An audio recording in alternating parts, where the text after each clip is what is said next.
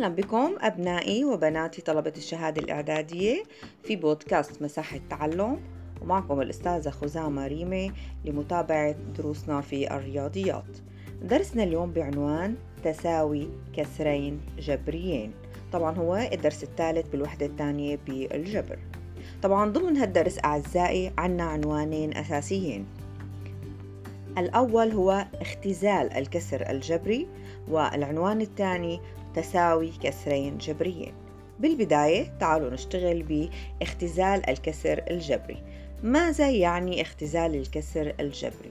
يعني كتابة الكسر الجبري بأبسط صورة. وما هي أبسط صورة؟ أي لا توجد عوامل مشتركة بين بسطه ومقامه. يعني أنا حوصل لمرحلة اكتب فيها العلاقة اللي هي عبارة عن كسر مؤلفة من بسط ومقام بحيث لا يوجد أي عامل مشترك يمكن اختزاله ما بين بسطه ومقامه. مثل عندي التمرين س ناقص واحد بالبسط س تربيع زائد واحد بالمقام. معناتها أنا هي العلاقة البسط والمقام ما فيني اختزل أبدا أي شيء بيناتهم.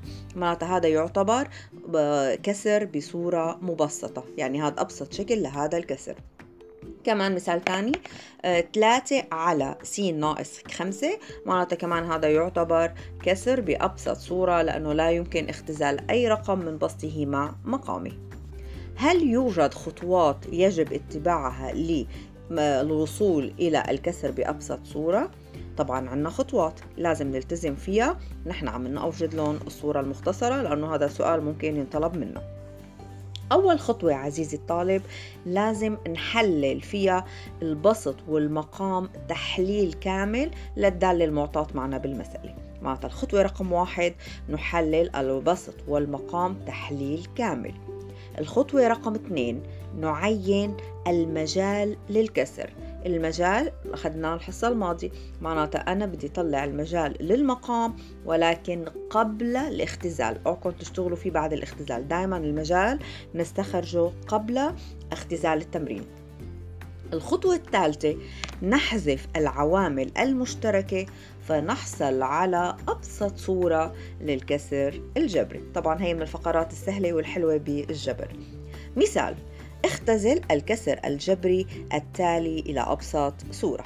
يلا نون سين يلا سجل معي على دفترك نون سين تساوي 2 س زائد 4 بالبسط. 2 س زائد 4 بالبسط على س تربيع ناقص 4 بالمقام.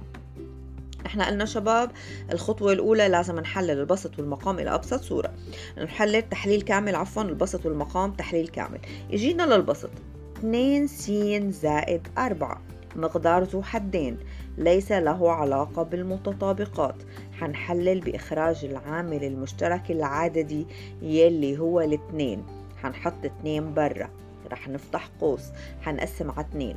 اثنين س تقسيم اثنين بيبقى س أربعة تقسيم اثنين بيبقى اثنين موجبة سكرنا القوس.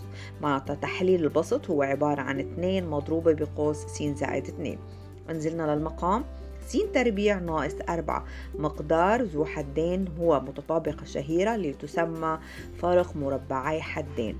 معناتها تحليلها س ناقص اثنين مضروبة بس زائد اثنين. معناتها المجال مباشرة للمقام المجال بننظر له. ما هي القيم المستثنات من حي معناتها س ناقص 2 حيطلع منها 2 موجب س زائد 2 حيطلع منها 2 الناقص. معناتها هالقيمتين حشيلهم أنا من حي معناتها مجالنا حي ما عدا زائد 2 وناقص 2 سكرنا القوس وهيك بنكون عملنا الخطوة رقم 2 الخطوة رقم ثلاثة هي الاختزال. يلا حنشوف فوق وتحت شو ممكن أنا أشيل منهم من بعض. طبعا انتبهوا شباب قاعدة عامة. نحن بالرياضيات بالجبر ما بصير نختصر من فوق وتحت إلا إذا كانت العلاقات مضروبة ببعضها. يعني عندي علاقات أقواس ضرب. أما جمع طرح ممنوع الاختزال. جينا لمسألتنا عم لقينا بالبسط عنا قوس. س زائد 2 وفي شبيه لإله س زائد 2 بالمقام. حيروحوا مع بعض حيبقى معنا بالبسط فقط رقم 2 وبالمقام حيبقى معنا س ناقص 2 وهيك بنكون وصلنا لأبسط صيغة لهاي الدالة وهي اللي بتكون الصورة المبسطة للتمرين. القسم الثاني من درسنا هو متى يتساوى كسران جبريان. انتبهوا معي. نقول عن دالتين نون واحد تساوي نون اثنين متساويتان. إذا تحقق شرطان معا اثنين سوا شباب سوا لازم يكونوا اثنين معا. أول واحد مجال الدالة الأولى يساوي مجال الدالة الثانية. هي أول شرط. أما الشرط الثاني الصورة المبسطة للدالة الأولى تساوي الصورة المبسطة للدالة الثانية. يلا تعالوا نجرب بمثال. هل نون واحد تساوي نون اثنين ولماذا؟ إذا علمت أن نون واحد هي س تربيع ناقص خمسة س على س تربيع ناقص سبعة س زائد عشرة ونون 2 هي عبارة عن 3 س ناقص 15 على المقام 3 س تربيع ناقص 21 س زائد 10 زائد 30 معناتها أنا حأفصل التمرينين عن بعض حبلش بنون واحد إنهي أمورها للآخر بعدين بنبلش بنون اثنين بعدين بنقارن النتائج. دائما أنت اعمل هي القصة. يلا بالبداية جينا لنون واحد. البسط عنا بنون واحد مين؟ س تربيع ناقص خمسة س كمان عنا حدين فيهم عامل مشترك اللي هو السين. حنحط السين برا فتحنا قوس. س تربيع تقسيم س حيبقى س ناقص خمسة س تقسيم س حيبقى ناقص خمسة معناتها بسطنا صار س مضروبة بقوس س ناقص خمسة سكرنا القوس. نزلنا للمقام. س تربيع ناقص سبعة س زائد عشرة. هذا مقدار ثلاثي الحد. أمثال السين تربيع واحد. معناته طريقتنا. عنا يا طريقة المجموع والجداء أو بتحلها على القانون العام اللي شارحته أنا بأحد التسجيلات. طبعا هو الأسهل والأسرع عنا المجموع والجداء إذا قابل للحل. عندي عددين. إذا ضربتهم ببعض بيطلعوا عشرة وإذا جمعناهم بيطلعوا سبعة سالب. مين هن شباب؟ والإشارة العشرة طبعا موجب. معناتها العددين اللي عم دور أنا عليهم هن اثنين سالبين. معناتها عندي الاثنين السالبة والخمسة السالبة. إذا ضربناهم ببعض بيطلعوا زائد عشرة وإذا جمعناهم بيطلعوا ناقص سبعة معناتها هدول هن التمرينين مزبوط. معناتها تحليل التمرين حيبقى معنا س ناقص اثنين بين قوسين مضروب بس ناقص خمسة القوس الثاني. هلأ هيك بنكون أنا وياكم حللنا الدالة الأولى تحليلا كاملا. الخطوة الثانية لهالدالة إيجاد مجالها المجال بننظر للمقام والمقام أنا مباشرة معي التحليل لإله باخذ عكس الأرقام اللي بالاقواس هي هي شغلتنا بس.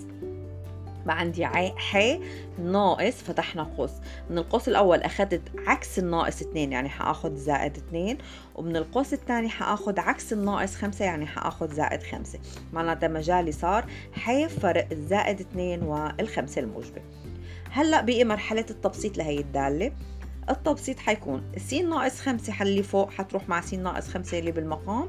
حيبقى شكل الدالة النهائي س على س ناقص اتنين هيك بنكون أنهينا وجهزنا الدالة رقم واحد.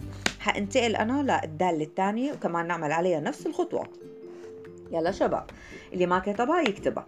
3 س ناقص 15 بالبسط.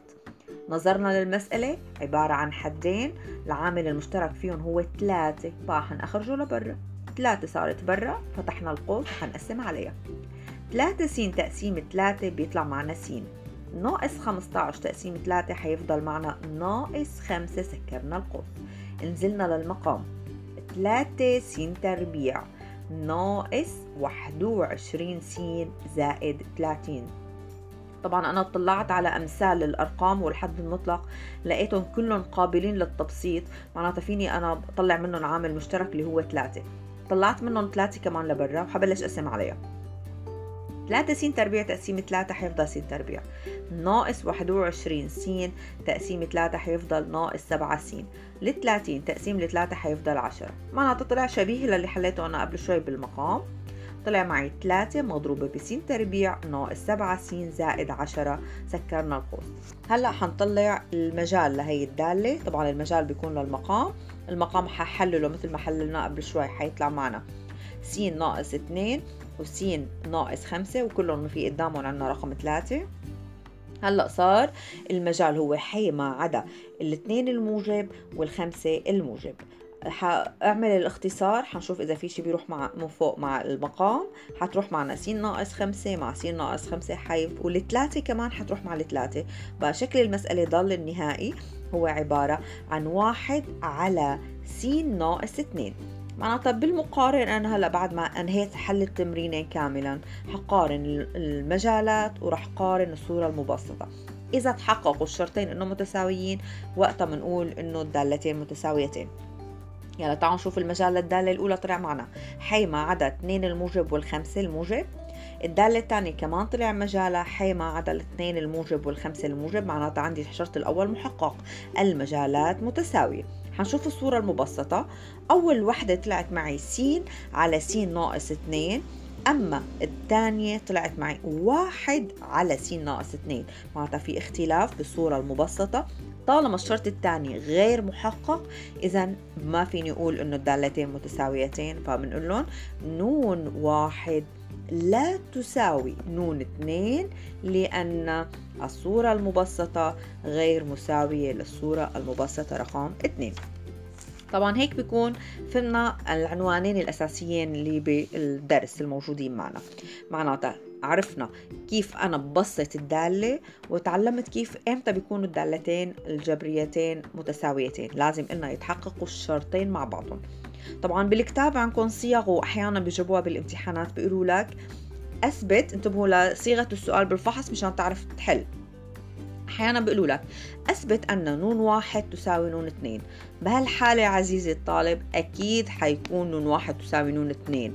معناتها أنت عم تحل حتطلع الصورة المبسطة متساوية بالحالتين وأنت عم تحل حيطلعوا المجالين متساويين.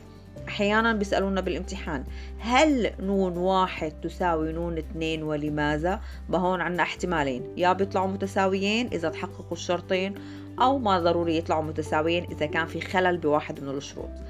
الصيغة الثالثة اللي ممكن تجينا بالامتحان عن هذا الدرس بيقولوا لنا أوجد المجال انتبهوا لهي الصيغة أوجد المجال الذي تتحقق فيه تساوي الدالتين نون واحد ونون اثنين.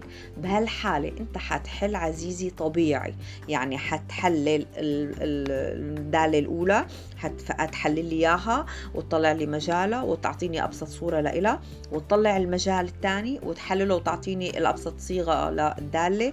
وحتقارن ما بين المجالين. طبعا هون أحيانا بيطلعوا معك المجالين بيشبهوا بعض معناتها بتقول لهم إنه هذا هو المجال الذي يحقق التساوي. أحيانا ببعض التمرينات بيطلعوا معك المجالين مختلفين. بس هن ما عم يقولوا لي هل الدالتين متساويتين أم لا. عم يقولوا لي أوجد المجال الذي يحقق تساوي الدالتين بقى انت مثل الشاطر شو حتعمل؟ حتقول لهم المجال الذي يحقق تساوي الدالتين هو بتكتب حي ما عدا وبتجمع المجالين يلي طلعوا معك وبتحط لهم إياهم مجال مشترك إنه هذا المجال هو اللي بيحقق تساوي الدالتين المطلوب إثباتهم به الامتحان. هيك بيكون خلص هذا الدرس. طبعا هذه من الدروس السهلة والممتعة بمنهجنا وبتمنى لكم التوفيق وإن شاء الله لقائنا القادم بدرس جمع وطرح الكسور الجبرية دمتم بخير.